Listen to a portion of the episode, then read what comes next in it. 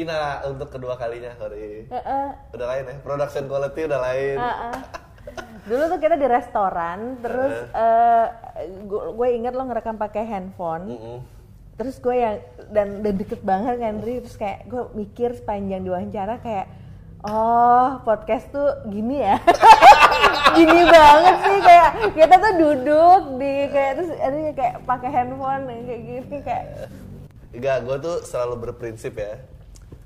Kalau orang nggak pernah ngerasain somai, dikasih somai apa pun pasti bilang enak. Jadi at that time kan belum ada yang lain tuh, belum ada pembanding. Jadi mau pakai HP kayak mau pakai apa yang penting mulai. yang dulu. penting kualitas percakapannya. Betul betul betul betul, Ah, ah. betul. Tapi bagi kebanyakan fans Emily, gue tuh cuma om-om gak lucu yang gak jelas posisinya buat mereka. Nggak, gitu. karena lo pinter. Ya, ya. Tapi tapi gue pertama kali diajak ke anak kreator pun gitu loh rasanya. Gue itu kayak ngebuka mata gue. Ada ya orang ya hidup cuma ngayal-ngayal gini gitu. Kayak lo ngayal, Eh, eh. berkolektif dan lo Eh. bisa berkantor gitu. gue nggak menyangka sih itu dan itu pertama kali kayak oh ada ya gini dan eh dan di taraf hidup yang lumayan maksud gue kalau lu gembel gue nggak tertarik. Ih ternyata gila Aris masih ini ah malas gak tahu tapi kayak ah, ini kerja di sini anak-anak di sini wow ini something else ya gitu. Gue kayak baru sekali tuh. Kalau nggak gue nggak pernah ngerti. Kalau nggak ya. Tapi nggak ke wahana ya jadinya. Maaf ya. Gitu, itu waktu itu udah PDKT gak sih? Bukan kan? Bukan PDKT kan ceritanya? Enggak, Oh, enggak, temenan aja. Enggak semua harus dikur sama uang dan kerjaan. oke oke bagus bagus. Being friend it's okay. Eh gua gua tuh belum sempat ngebahas kan waktu itu kita ngobrolin lu lu belum jadi sutradara dan lu sekarang udah ya lu Kayak gue udah jadi produser belum sih waktu itu? Baru mau ya. 2017 nggak KC itu tahun berapa ya 2019 tayang. iya kayaknya itu start mulai development deh Oke oke. awal banget Eh, kita ngomongin tentang apa lah lu nanyain kenapa gua ke stand up apa gua dari iklan apa menang apalah itu nggak nggak nggak nggak penting itu nggak gue pengen bawa gue balik pertama ke ayat-ayat cinta Heeh. lu umur Eh 2006 ya. Gue lupa ayat akhirnya umur berapa berarti tapi around 22-an kali ya. 22an ah Dan ayat-ayat gue masih kuliah lagi lanjutin ke komunikasi UI. Itu itu eh, bukan film perdana dong film perdana box, eh, film yang pertama box office Sebelumnya ada foto kotak dan jendela, Ya. habis itu baru jalan ke tiga ada jalan enggak, ayat-ayat cinta dulu, kayak gue lupa deh. Tapi pokoknya ayat-ayat cinta tuh roundnya tiga film pertama gitu lah, lupa. nah itu coba ceritain ke gue premisnya apa Aduh, lupa gue. Jadi ada seorang laki-laki Hah? yang diperankan oleh oh Fahri, Iya. eh, eh, dan dia tuh sangat ingin sekali memegang eh, hidupnya dalam yang ideal dalam dunia Islam gitu. Eh, apa? Tapi kemudian apa? Dan ingin menjalankannya dengan cara nikah sama eh, cewek yang baru dia temui dan ta'aruf namanya Aisyah. Iya, iya. Namun kemudian dia kesulitan ngejalan idealismenya dalam menjalankan agamanya ketika dia dituduh memperkosa orang perempuan lain. Gitu. Oh, edgy sekali ya itu untuk Edgy tapi eh, pop. Jadi itu dari novel. Eh, terus kemudian ya udah difilmkan. Yang ngedirect Mas Hanu, gue nusa berdua Aris. eh Eh, eh. lo lo keberatan gak sih cerita perubahan perspektif apa yang lo alamin dari Gina yang itu ke Gina Sebenarnya secara filosofikal nggak ada yang nggak terlalu berbeda jauh gitu. gue masih percaya kalau manusia itu Oke lo percaya Eh nggak apa-apa kita kan semua mengalami Enggak, enggak, enggak, enggak. Maksud gue gini, yang gue tetap hargai dari film itu adalah konteks sabar dan ikhlas. Oke, Bener dong. bener, bener, gitu. bener. Lo mau eh, secara fisik gue mungkin berubah gitu ya bentukannya gitu dulu dan sekarang gitu. Terus tapi tapi sebagai sebuah elemen eh, perjalanan ya sabar dan ikhlas itu ada sesuatu yang harus ditemukan apa pun caranya gitu. Nah eh, itu satu. Terus kemudian eh, sebenarnya tuh yang nggak berubah dari dulu tuh eh, ketika ngomongin soal eh, berusaha memberi suara terhadap perempuan. Oke. Jadi waktu di novelnya di ayat-ayat cinta itu tuh si karakter istri keduanya dibikin meninggal. Jadi jadi gini, jadi itu kalau dipikir-pikir emang agak absurd sih. Harus gue akuin. Jadi eh, dia tidak mau menyentuh si eh, cewek yang koma ini yang patah hati. Jadi jadi si Fahri ini disukai sama si cewek lain namanya Maria yang beda agama of course. Oh, jadi udah kayak udah akrab banget nih, tapi karena kamu beda Tapi dia agama. tapi dia statusnya udah husband. Oh, Eh, enggak, enggak. Jadi dia anak kos. Jadi teman Oke, jadi anak satu flat gitu ada beberapa apartemen terus si cewek ini tuh kayak di atasnya gitu lah dan akrab sama anak kos Fahri dan teman-temannya. Dan sebenarnya saling suka. Oh, so obvious lah. Cuma beda agama Ya, beda gitu agama, si cewek oke. Mesir ini. Kemudian eh Unlikely ya, udah Mesir terus beda agama lagi eh, eh, ya ada keberagaman ya di Mesir ya. Kurang bergaul Adriano Colby. sama Aisyah pas nikah kan, tapi Maria sakit hati, patah hati dan sampai koma. gitu. Dan terus ada cewek lain yang naksir Fahri sebenarnya pura-pura diperkosa. Ditangkaplah Fahri masuk penjara dan Fahri tuh kayak nggak mau menyentuh si Maria ini tuh karena bukan muhrim dan sebagainya. Akhirnya mereka menikah lah dalam keadaan Koma. koma, yang pokoknya lemah gitulah, melemah gitu. Nah kalau dari dalam novelnya, kemudian ketika Fahri dibebaskan, dia sama Aisyah, eh si Marianya meninggal. Hmm. Jadi akhirnya walaupun dia poligami, tapi nggak poligami. Pas waktu development, enak banget aja jadi Fahri, kurang ajar nih cowok. Ngerti kan lo? Kayak Maria tuh kayak plot device banget Iya, iya, gitu. Nah yang dilakukan akhirnya ketika dia keluar, Maria tetap hidup. Dan dia harus ngejalanin konsekuensi gimana lo punya istri dua sekarang. Rasakan. Oh tentu jadi kontroversi pada saat itu. Eh, Karena orang-orang kok berarti mendukung poligami? Kalau gue sih, kalau gue pribadi adalah poligami itu hak setiap orang asal konsen. Ketika Ya, ya, lo, setuju. hubu- lo tuh ketika hubungan dua orang dewasa mau menikah, mau tinggal bersama, mau Ya. poligami, mau per marriage apa pun, asal ada konsen dan nggak masalah sebenarnya. Ya, Pokoknya cuma- tidak melibatkan minor, tidak pokoknya orang exactly ya, orang dewasa Dan apa- waras. waras gitu. Nah, which is kalau koma sebetulnya nggak boleh dinikahin. gue gue lupa apakah kan dia nikah dulu baru koma atau gimana gue lupa Oke. lah gitu. Anjing ini bahaya banget sih konten. Eh, eh, Terus, terus habis itu eh eh, tapi akhirnya bagi orang-orang oh berarti mendukung poligami ya Hmm. gitu. Cara penerapan yang salah itu yang gue coba di explore, enggak bukan diluruskan, di explore dengan Sayo Sakato serial yang di GoPlay. Sayo Sakato sebaliknya tuh berusaha untuk mengeksplor apa yang terjadi ketika dua orang perempuan baru tahu kalau mereka tuh yang yang yang istri pertama baru tahu kalau oh gue di poligami nih ketika suami udah meninggal. Hmm, dan kita melihat point of view juga dari sisi istri kedua yang dianggap pelakor selama ini. Hmm. Gitu mencuri laki orang gitu I yang don't understand tuh pengen. nah itu yang berusaha gue explore gitu bagaimana hubungan dua perempuan yang disatukan sama in a way cinta yang dari laki-laki yang sama persaingan yang sama sama berpikir am I good enough as a wife gitu apakah pernikahan itu apakah cinta itu yang kayak gitu Iya, gua nggak kebayang sih. Gua nggak kebayang ngebohong segitu lama terus tiba-tiba mati lagi. Heeh. Dia anaknya jujur banget. gua nggak, gua nggak bisa gua.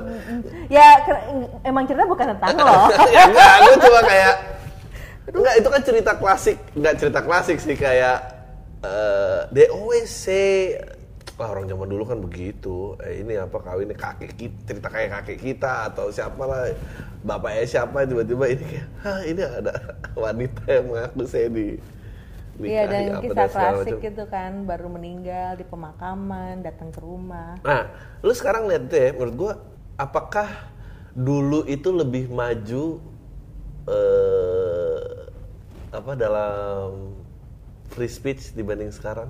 Dulu tuh Maksud gua, ayat-ayat cinta kalau dikeluarin lagi sekarang, Sebenarnya itu kita- akan ada muatan politik yang besar banget, yang akan ditunggangin besar banget. Bisa gitu. jadi. Sedangkan dulu bisa diterima, ya udah mainstream dan dan baik-baik aja. jadi kan menarik banget kita punya era di mana yang ya orde baru lah ya, kemudian reformasi dan pasca reformasi ke- di awal-awal 2000-an lah terutama ketika film mulai naik. Sedangkan Sayo Sakato harus ngumpet di OTT, ngerti nggak sih? Lu Sayo Sakato kalau di layar lebar, kalau nggak Oh enggak enggak, gue mau akan jadi layar lebar.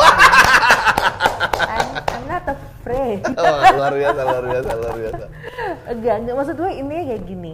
Kalau gue sih afraid makanya gua- ada coki muslim jadi dia gue tuh tidak kambing percobaan gue tuh pasti paling depan. Aduh, Coki tuh ratingnya harus lebih tajam. Eh, gemes gue.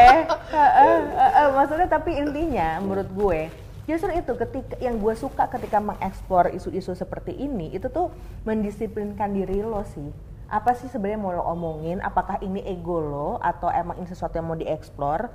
Bagaimana writingnya? Bagaimana disiplin pembuatannya?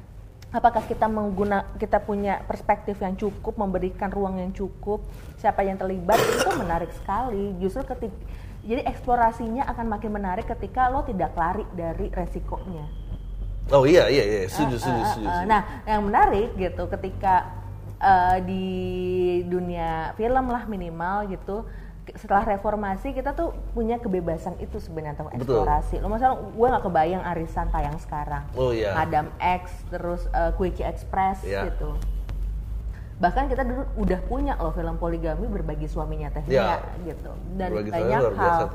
Uh, tapi kemudian kan makin lama kita makin kembali lebih konservatif lagi gitu. Dan tidak dan tidak jelas siapa musuhnya. Nah, tapi menurut lo ada hubungannya nggak ya di tahun 2000-an awal itu dengan pertumbuhan screen ke dua pemilu terakhir? Karena menurut gua kayaknya Eh, itu under the illusion nih. Under the illusion of kota-kota besar yang bisa mengakses aja. Now sebetulnya lebih banyak people, eh, lebih banyak orang yang sebenarnya terakses. layarnya itu perlu dari awal memang jumlahnya sudah banyak gitu tapi kan yang membedakan kalau menurut gue justru pada saat itu sosial medianya nggak seheboh sekarang Iya, iya. Sosial media dan jumlah raya yang bertukuk eh, bertambah itu kan menandakan bahwa semakin banyak ada orang yang terlibat. iya iya dan, Dulu dan kita bisa bikin edgy kayak gitu dan dirayakan umum karena nggak semua orang punya aksesnya. bisa jadi dan dan yang paling Oh. menarik adalah dengan eh, dengan layar yang ada bukan bukan bu- ini layar bukan layar bioskop ya maksudnya kayak eh, sosial media yang ada kan pada saat ini orang tuh makin mud- jadi dalam bubble semua Hmm. dengan maksudnya kayak lo tuh preferensi eh, apa yang lo lihat apa yang lo suka itu tuh ya udah diatur sama rekomendasi Ya. sosial medianya orang tuh makin hidup dalam bubble Ya, so menurut gua eh, speechnya Sacha Baron Cohen tuh luar biasa banget tentang Facebook Ads itu. iya ya. gue suka banget sih Anjir tuh eh, free speech bukan berarti eh, free reach gitu. Eh, apa banyak banget kata-kata yang appeal to our baser instinct. Nah, tapi kalau lu pribadi ya concern akan perempuan tuh timbul dari kapan? kayak dari kecil deh. Gue puncaknya ke SMA SMA tuh gue langganan jurnal perempuan. Oke, gue pengen tahu nih. sama The woke momennya Gina sebenarnya kapan itu kayak? Sama. Itu Perlakuan tidak adil selama ini. Enggak, maksudnya gini, gue tuh dari kecil, dari umur 9 tahun itu gue dikasih baca nama bokap gue tuh eh, Putu Wijaya Oke. yang judulnya Protes. Astaga terus oke. Eh, eh, betapa bokap gue tuh gak age appropriate banget ngasih bacaan tuh hadiah ulang tahun gue dikasih itu dan dan itu tuh kayak apa ya eh apa ya kayak mem- The bulb went on gitu ya. Eh, eh, buka- kalau- bahkan bukan masalah perempuannya aja mengenai kemanusiaan, keadilan, bagaimana kritik sosial itu tuh dari gue um, SD itulah gitu dan gue itu lahir dari bokap yang nyokapnya single parents ditinggal sama eh, Kakeknya. kakek sama kakeknya itu terus ya udah eh, membesarkan sendiri gitu jadi gitulah jadi gue tumbuh sama bokap yang kayak gitu yang eh, dan nenek gue tuh kayak sosok yang eh, yang hebat banget lah gitu di mata dia. Berhasil melewati kemiskinan sampai akhirnya bukan cuma jadi pegawai BUMN bahkan dipindah ke Jakarta. Nah di tengah itu semua eh, kemudian gue mau lepas lulus SD itu tuh pun eh, ini ada Spice Girls. Oke. Heeh, yang gue inget banget gue depan TV ngelihat video klip Wannabe. Hmm. dan tuh kayak wah gitu. Terus dengan liriknya dengan lima perempuan yang punya kepribadian masing-masing dan mateng gitu.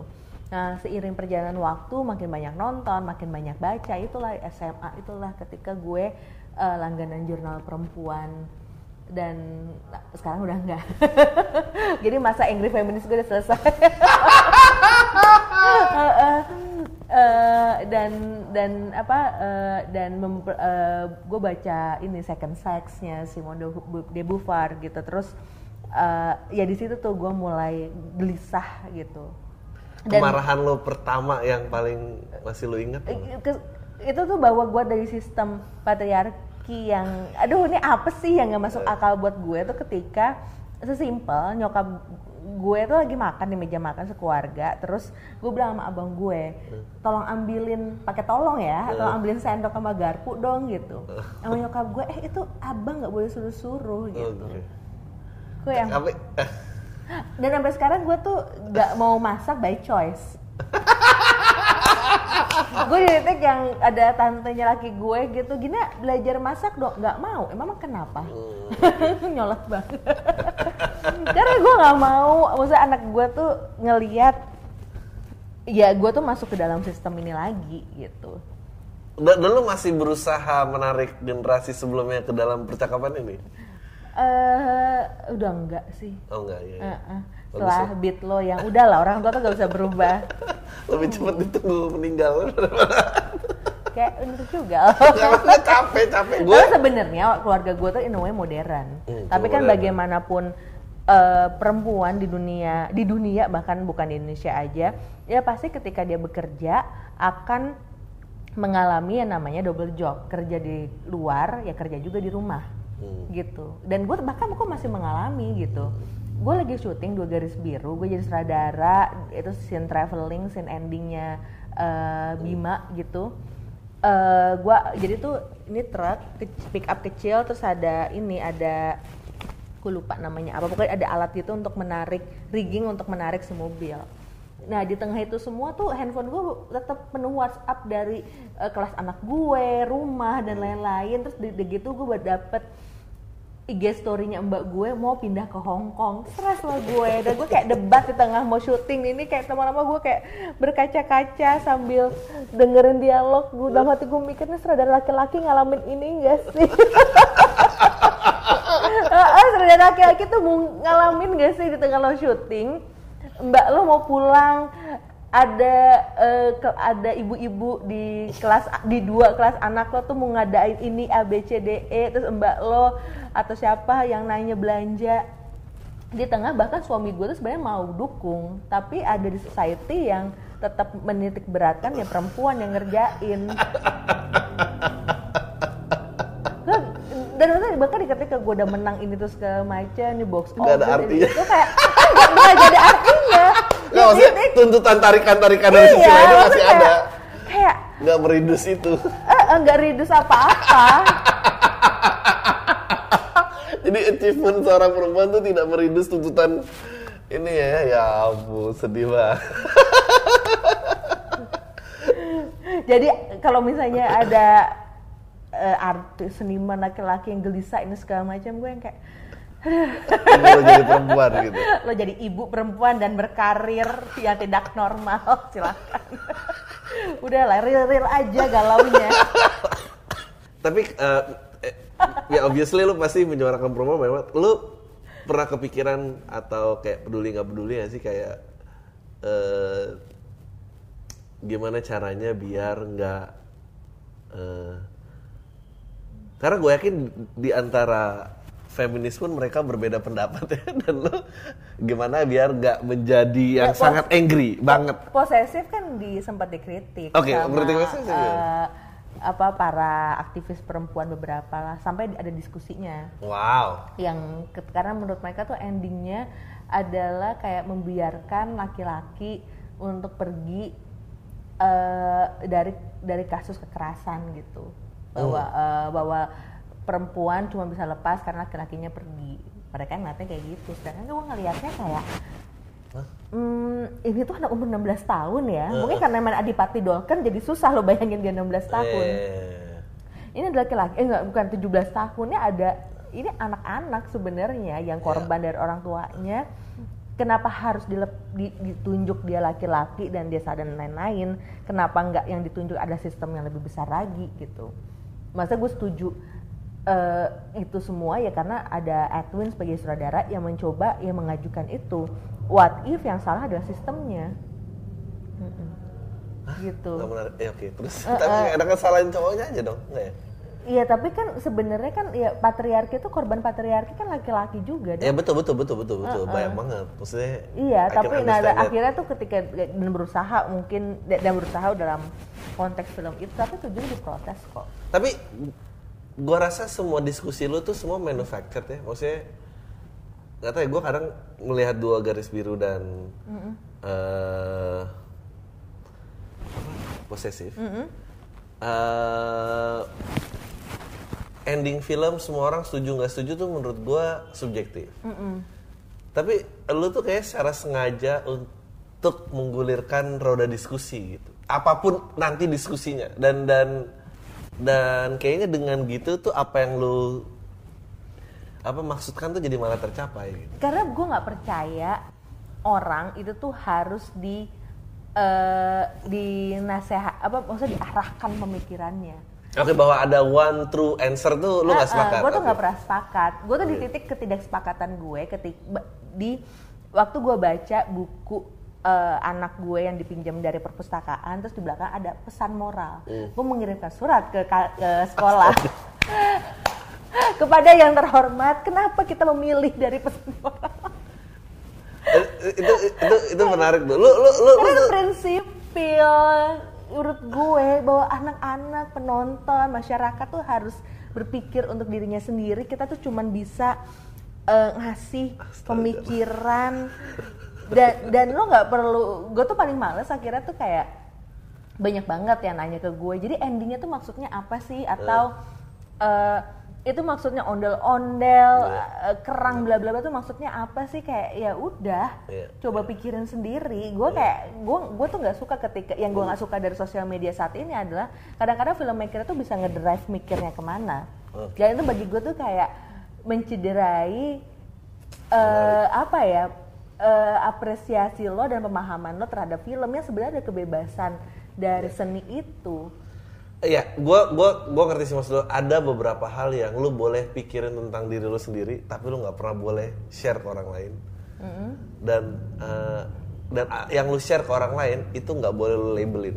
iya Ya jadi kayak saya gua ngerasa gue tuh ngerasa joke gue paling the best, tapi gue nggak boleh ngomong itu seumur hidup gue atau eh, gua ngomong ya joke yang berbobot tuh kayak eh, no, no, no, no, itu itu tugasnya orang lain yang ngambil. Iya, I gua- would never. Iya, gue juga gue gue juga nggak mau, maksudnya eh gue nggak gue nggak mau klaim sesuatu dari karya gue, karena bagi gue ya itu tuh bukan milik gue lagi, biarkan iya, orang iya, lain iya, yang iya, memberi dan label dan bahkan di titik yang ya gue juga gue mungkin karena di awal itu udah udah ngalamin banyak hal jadi kayak ya udah labelin lo kritik segala macam ya udah jadi kalau ditanya ya gitu kan bagi ap- apa sih film terbaik lo segala macam gue akan jawab ya film yang sedang gue tulis Hmm, The next one. the next one gitu karena ya gue bahkan gue kalau ngeliat karya gue yang sebelumnya ya gue juga ya, selalu itu adalah milestone untuk terus belajar eksplorasi iya. gitu, gitu.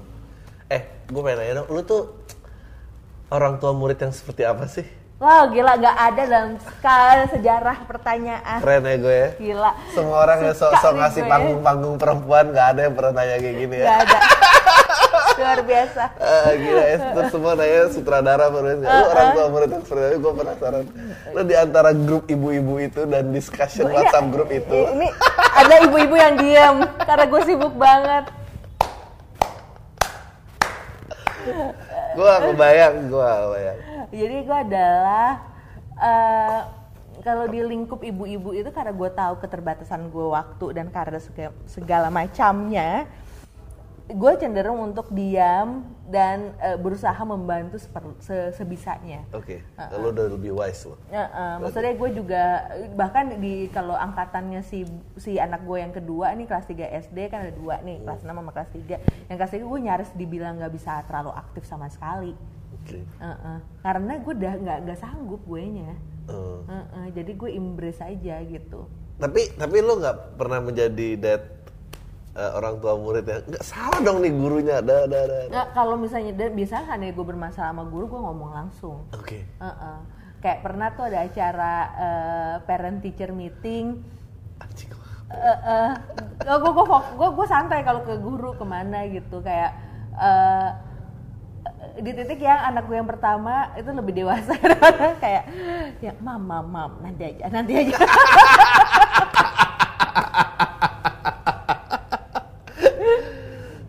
Tapi itu misalnya kalau misalnya anak lo menerima pengajaran sesuatu yang katakanlah outdated atau ah, ini ini udah nggak applicable lagi, lo what do you say gitu? Eh, untungnya kan sekolah gue kan sama gue sama laki gue kan sebenarnya sejalan gitu Oke. jadi oh jadi nggak- dia nggak pernah gitu, ada masalah nggak ada kayak pendidikan apa yang misalnya. anak-anak gue tuh ya so far sih kayak kritis-kritis aja sih Hmm. Lo nggak mau eksperimen anak lo ditaruh di negeri gitu, and see what happen dan ini. Eh tapi gue pengen ya. gue mau eksperimen di seni aja pendidikan tuh gue kasih yang terbaik Gue terlibat pembicaraan ini sama temen gue. Heeh. Eh, gue tahu misalnya gue lo misalnya eh, ya gue yang cukup intens ngobrol misalnya eh, eh, Ipang gitu ya Eh, semua melalui eh, pengajaran yang cukup konservatif. Terus akhirnya kita we break the mold dan men- mendefinisikan diri kita tuh jadi apa.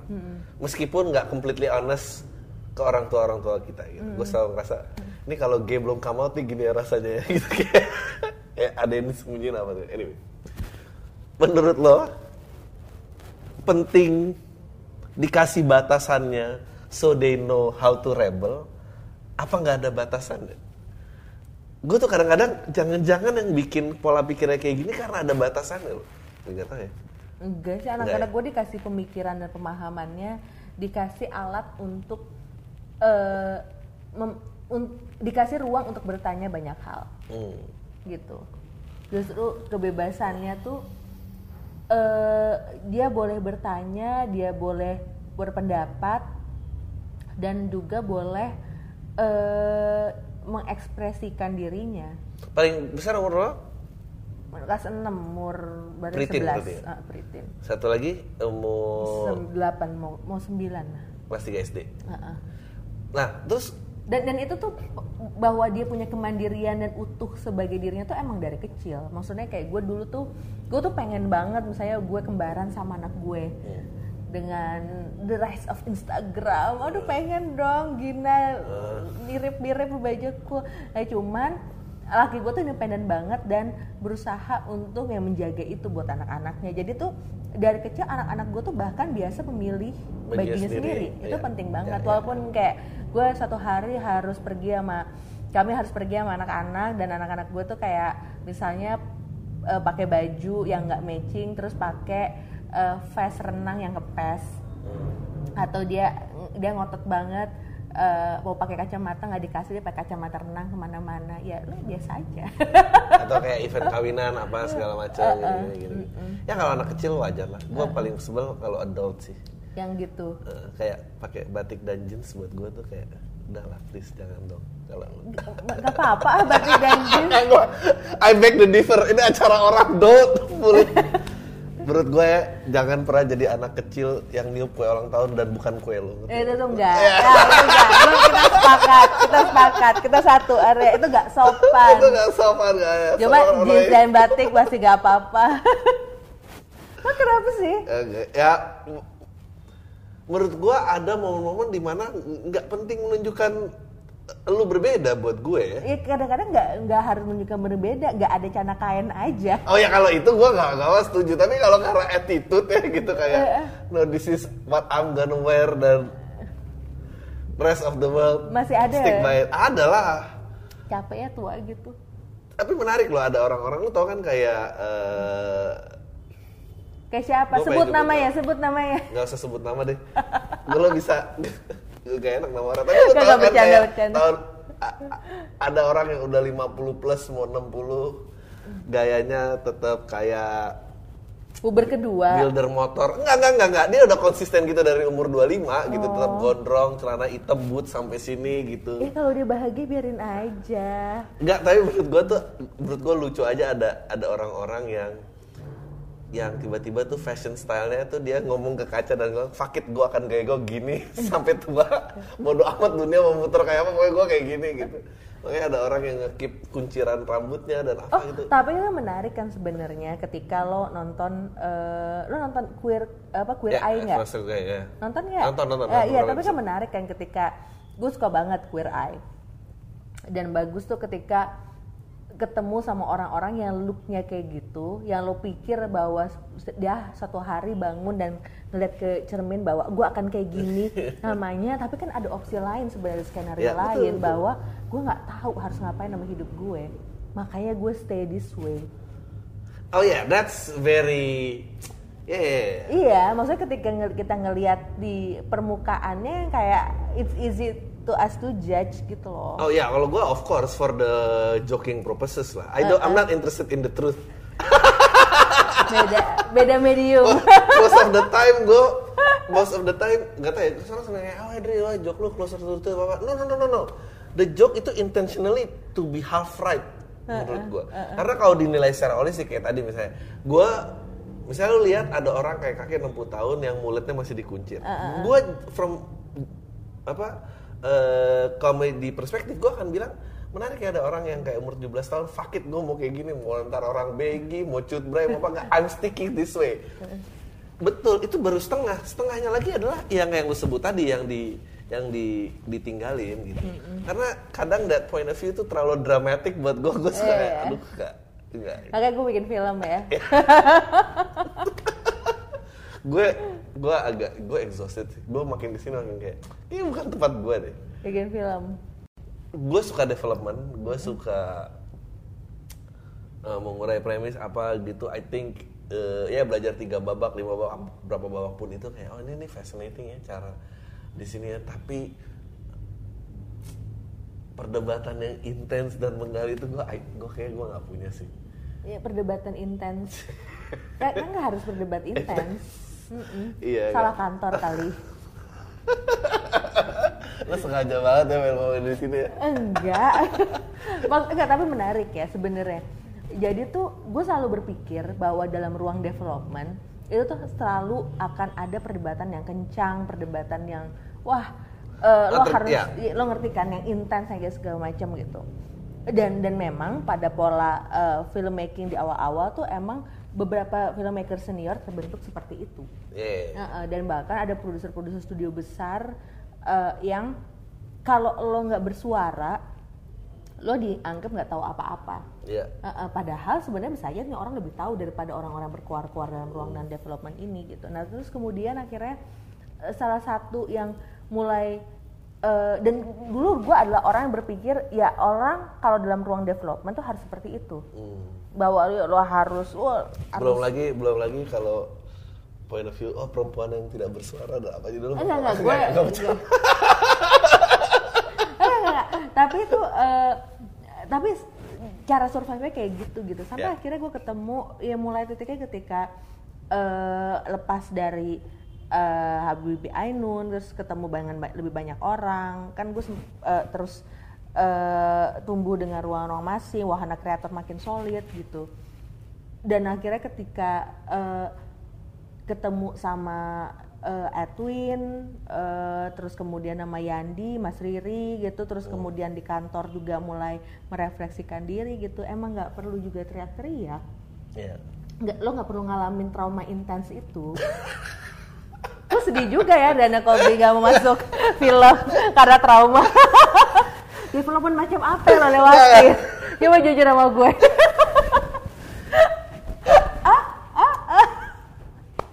Eh, Ini di cut gua ya gua pasti. enggak enggak enggak, enggak gua, gua tayangin enggak gua gua gini gua ada dua ada mungkin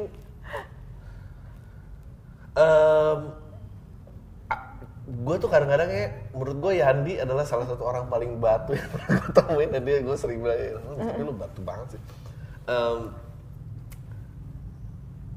Gue tuh mungkin tahu gitu ya apa yang mau gue ceritain. Eh, and then lu cuma pengen berdiskusi sama orang-orang yang gue tahu nih matchnya bagus sama gue gitu. Jadi biar rodanya eh, muter gitu. Karena kalau menjadi perangnya tuh perang visi itu langsung gue nggak nggak tertarik kayak "Ah, ya udahlah terserah lu bikin aja deh gitu gue sih ada sendiri Nah, dan dan akhirnya ternyata tuh nggak perlu juga perang fisik sebenarnya. Emang nggak perlu, nggak perlu, ah. perlu. Dan akhirnya ternyata yang paling mahal, yang yang gue juga mikir kenapa ya gue harus panjang sekali belajar ini. Yang paling mahal dari dunia kreatif adalah chemistry. Oh iya betul betul. Nah, lo tuh nggak bisa bohongin chemistry gitu. Itu sih. Eh, dan ini sih menurut gue yang paling mahal juga eh nah, tapi ini jadi filosofikal banget ya. Eh, semakin orang itu tidak mengenal dirinya, semakin susah lo berdebat sama orang-orang seperti itu. oh gitu ya. Hmm. Menurut gue contentment tuh sangat penting. Yes. Eh, Lo bisa lihat ada orang yang kayak lihat mata ini ada isiannya, ada ini hopeless nih gak ada isi. dan gue nggak dan gue udah mulai kayak merasa eh, dulu gue waktu masih muda dan idealis gitu ya merasa bahwa enggak semua orang tuh sama derajat gue semakin tua gue semakin praktikal ya ada orang-orang yang nggak sederajat aja gitu Gila, sombong sekali ya. enggak lu juga pres gitu kok gue Ke- lu kan lu nggak gitu ya kenapa misalnya eh lu kan lihat ibu-ibu murid lain juga nggak ngerasa gitu ya ini nggak bisa diajak diskusi Eh, kayak enggak, gitu gue Oh, nggak pernah ngerasa gitu. enggak ya Enggak. Benar ya Oh. Iya. Gue tuh ngebayangin kalau gue di sepatu lu tuh gue pasti tiap kumpul orang tua murid kayak Enggak, gue tuh gue tuh tipikal yang justru gue sebenarnya tuh nih. mau ketemu dan dan gue butuh temen ibu-ibu. oke menarik Oke, terus Uh-uh. siapa sahabat ibu-ibu lo Ya nggak tahu. Ada sahabat gue di Singapura dan tuh visa. eh, Enggak, enggak, enggak, enggak. Tapi yang mana ibu-ibu yang ibu-ibu teman sekolah anak-anak lo ya ada lah beberapa eh, eh, yang dekat. layar pembicaraannya sampai mana? Ya gue nggak itu dia masa gue tuh kalau misalnya gue yakin kalau gue punya waktu dan ngobrol tuh bisa hal-hal yang lebih dalam. Masa Iya. emang masalah waktu aja. Tapi lo masih tertarik gak sih obrolan-obrolan yang tidak dalam? oh suka gue. Gue tuh suka ngobrol apa aja. Enggak ya? Judgmental lo gila Eh karena nggak karena gue butuh berada di ruang yang selalu berbeda. benar benar Uh-uh. Masa gue tuh selalu gue tuh suka eh, mendengarkan hal-hal yang baru, cerita-cerita yang baru dari sekian banyak orang gitu. Gue adalah orang dead penumpang yang kalau di gokar gue kalau misalnya lagi mood gue ajak ngobrol. Yeah. You, eh, sebetulnya itu itu itu eh, kayaknya hakikinya para kreator you're like this alien yang observe kenapa aktivitasnya kayak gini ya. Buat gue sekarang yang paling menyenangkan ya kalau gue diundang ke acara podcast gitu atau apa sharing whatever, gue paling menyenangkan kalau diundang ke industri yang tidak berkaitan. Gue pernah diundang ke BUMN, gue pernah diundang ke banking. Buat gue itu jauh lebih real daripada acara-acara konten. Ya, di sini nggak ada yang undang gue lebih jauh lebih real daripada gue diundang-undang apalah create on whatever apa itu karena apa nih kita ngapain sih ngomong kita kita lagi yang kita subscribe satu sama lain apa ini? Sedangkan kalau kayak ke banking apa gitu terus Nah itu tuh sebenarnya cara gue belajar. ya. K- karena gini eh, jadi tuh ada orang kan yang emang spesialis dan emang udah di situ aja gitu. Nah gue tuh tipikal yang bukan langsung memilih jadi spesialis yang mana. Gue gue tuh suka sekali mempelajari konteks umumnya dulu terus kemudian baru berusaha menghubung-hubungkannya. Makanya gue juga seneng ketemu sama bidang yang berbeda. Karena eh, apa ya di situ tuh gue bisa mengambil apa yang Ya. esensi dari sana dan nerapin di kerjaan gue. salah satu kritikan paling keras untuk marriage story adalah profesinya. Profesi si eh, apa tokoh utama. Karena waktu itu gue lupa gue denger di mana denger atau baca dia bilang gini "Ah, nggak mau sekalian aja tetangga tetangganya kita yang mainin. Karena dia kan ya udah dia aktor di industri hiburan ya sekalian aja tetangganya kayak anjing Hollywood kehabisan ide apa untuk memikirkan sebuah profesi gitu yang ya itu juga terjadi di di, di film kita ya maksudnya kalau nggak fotografer jurnalis kerja di agensi profesinya tuh minim banget maksudnya lu bisa hitung di top 10 nya tuh kelihatan Coba Ya, kita hitung top 10. ya Heeh. menurut gua fotografer Ah, fotografer. Agency. Agency. ya graphic designer Heeh. eh yang paling sering tuh itu tuh atau kalau yang agak edgy-edgy dikit mungkin Apa? eh, Sebutkan, sebutkan. eh, sebutkan. apa istilahnya kalau eh, eh, eh, jadi guru-guru di daerah tidak mampu apa tuh yang kalau- Apa guru? Ah, guru. itu bukannya Garuda di dadaku gara-gara gue Nggak ya? nggak ada nggak ada profesi profesi pensiunan kakek Iya benar. Ya. Ya pokoknya itu agensi apa itu itu lagi fotografer sih udah paling top sih menurut gua. Eh, ya kan? susah ya tidak punya kebebasan bicara Riana apa apa apa lagi? apa ya sebenarnya kayak gini kenapa Profesi itu banyak loh. karena nggak pernah bener-bener didalamin esensinya dia nggak sih gitu jadi akhirnya kayak asal dia punya pekerjaan aja Eh balik lagi ke anak-anak lo ya. Kalau lo membesarkan anak dengan cara kayak gitu, terus berarti authoritative figure tuh masih ada apa minimal banget jadinya? iya masih ada lah gitu tapi Lo kan gunain saat, saat apa? ya ya misal ketika bikin salah ya mereka tahu harus dihukum biasa Hmm. mereka tapi pun eh, kita menyepakati ke hukuman apa hukuman itu terus eh, yang dilakukan adalah ad- eh, aktif apa korektif eh, bisa ada yang salah yang dilakukan adalah korektif jadi bukan sekedar menghukum tapi eh, reflektif dulu dan mereka berusaha untuk mencari jalan keluarnya pun saat ada hukuman disepakatin bersama. Apakah eh, anak-anak lo itu having all the things that you want pada saat lo kecil? enggak juga sih. Mereka jarang jalan-jalan Oh, which is lo waktu kecil jalan-jalan. Enggak juga. Lah, gimana sih? ya gue pengen, gue pengen, eh gue Lu tetep pengen, tapi mereka tetep Tapi nggak lebih banyak jalan-jalan sih waktu kecil karena orang tua gue banyak dinas kan. Hmm. Gue suka ngikut. Sekarang nggak terlalu. Karena sekolahnya dulu orang tua gue tuh tipikal yang, eh, oke ibu mau ke Jawa gitu, like 10 hari lebih. Terus ya udah gue diangkut aja. Terus pulang-pulang gue ada ulangan gitu. Apa bedanya polusi sama polisi? Jawaban gue adalah salah ketik. Se- itu sebodoh gitu gue dulu. gue ranking 20 dari 30. Dan nyokap gue tuh kayak ya udah biasa aja gitu. Eh, Kalau sekarang tuh sekolahnya lebih terstruktur. Gue nggak mau kalau misalnya libur eh, mereka harus liburan di waktu yang nggak libur gitu. lo percaya generasi anak lo akan jadi generasi yang lebih baik nggak? Iya. Nah, tapi oke. Tapi lu sama nggak perasaannya dengan generasi yang di bawah lo itu generasi yang lebih baik daripada generasi lo? Maksudnya gimana? Kalau generasi anak lu kan mungkin dua generasi atau tiga generasi bahkan di bawah lu kan. Beda 20 tahunan. Tapi in the middle tuh Ya maksudnya yang lu meremehkan sama gue meremehkan sekali. Lu gak ya? enggak. Ini anak-anak yang mau demo loh. Yang 25 uh, Heeh. uh, ya, gue enggak sih. gitu. Gue sebetulnya punya concern yang sangat besar dengan Kenapa? Kenapa?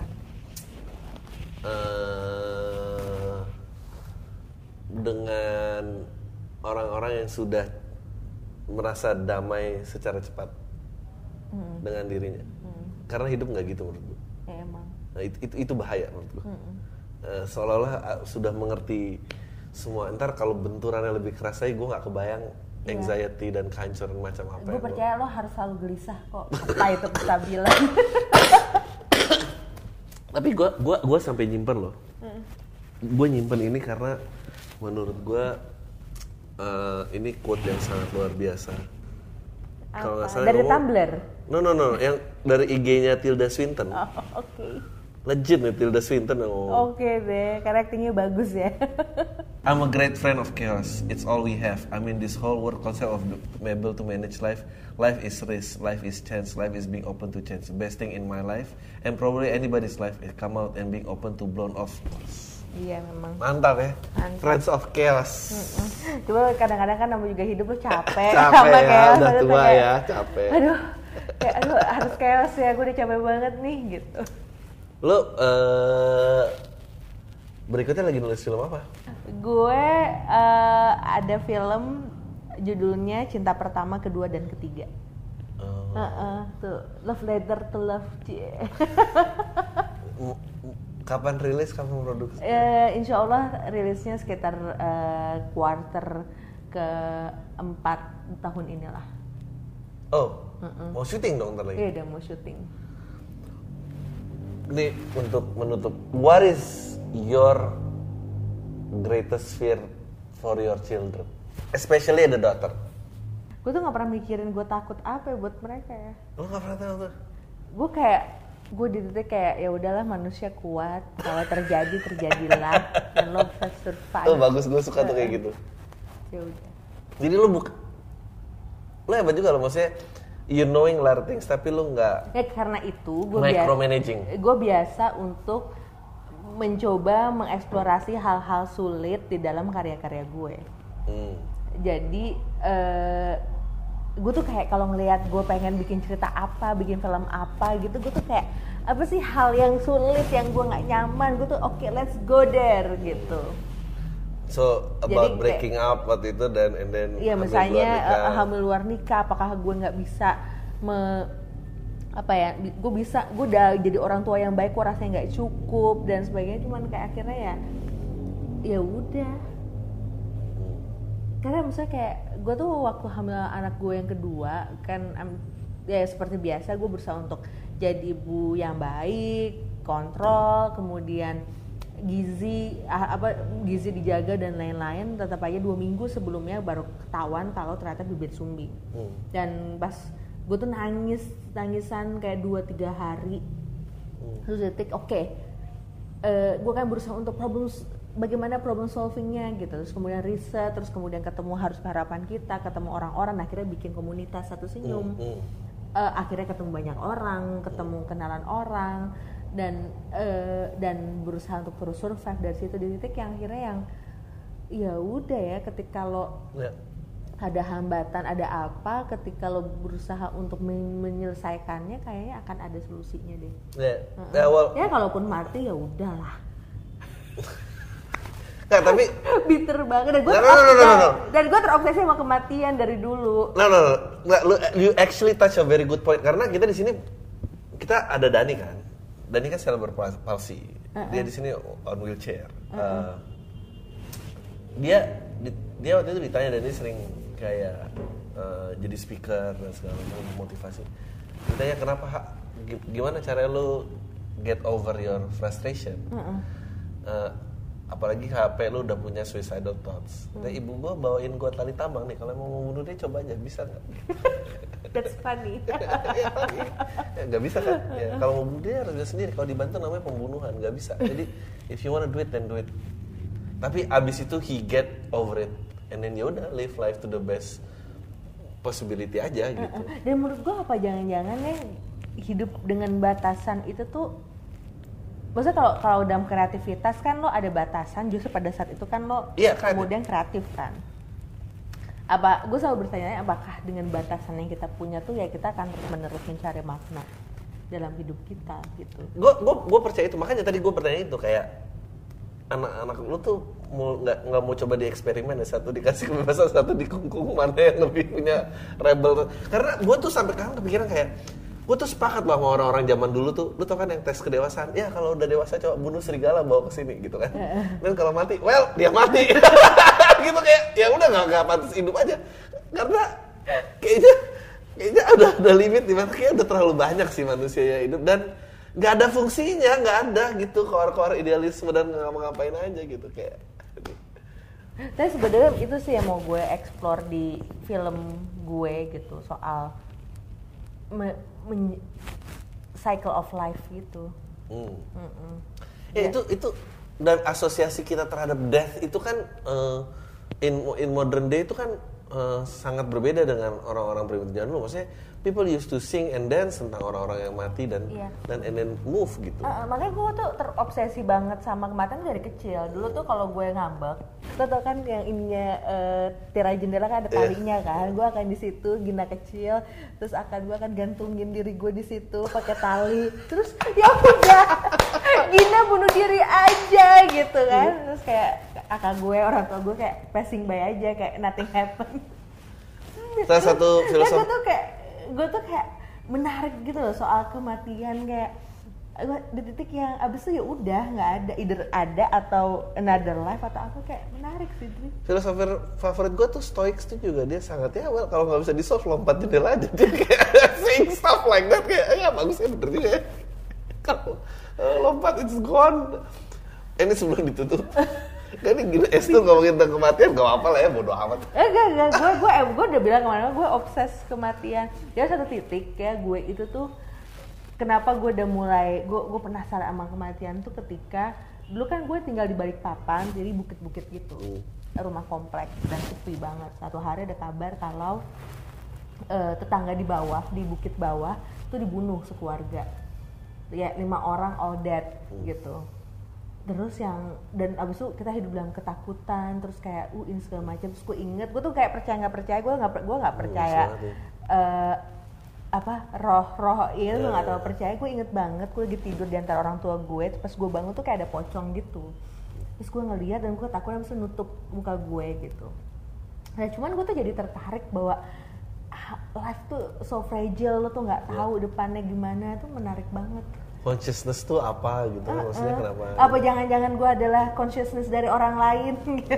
yang kayak gitu cuman ya, ya, tapi akhirnya ya keterbatasan bahwa eh, lo hidup tuh lo umur ya bayi baru meninggal bisa langsung meninggal Ya, bayi, bayi berlahir, lahir baru bisa meninggal gitu tuh kayak ya emang jangan-jangan emang udah jalannya aja mungkin kita harus menggeser perspektif kita terhadap kematian Ya. bukan sebagai Iya. sebuah ketakutan tapi sesuatu yang It's adalah penghargaan yang harus dirayakan. ya ya. Heeh. Percaya gue sama asosiasi itu. Heeh. Eh, ini sebelum di ending gue sampai lupa padahal udah disiapin. Enggak, Parasite.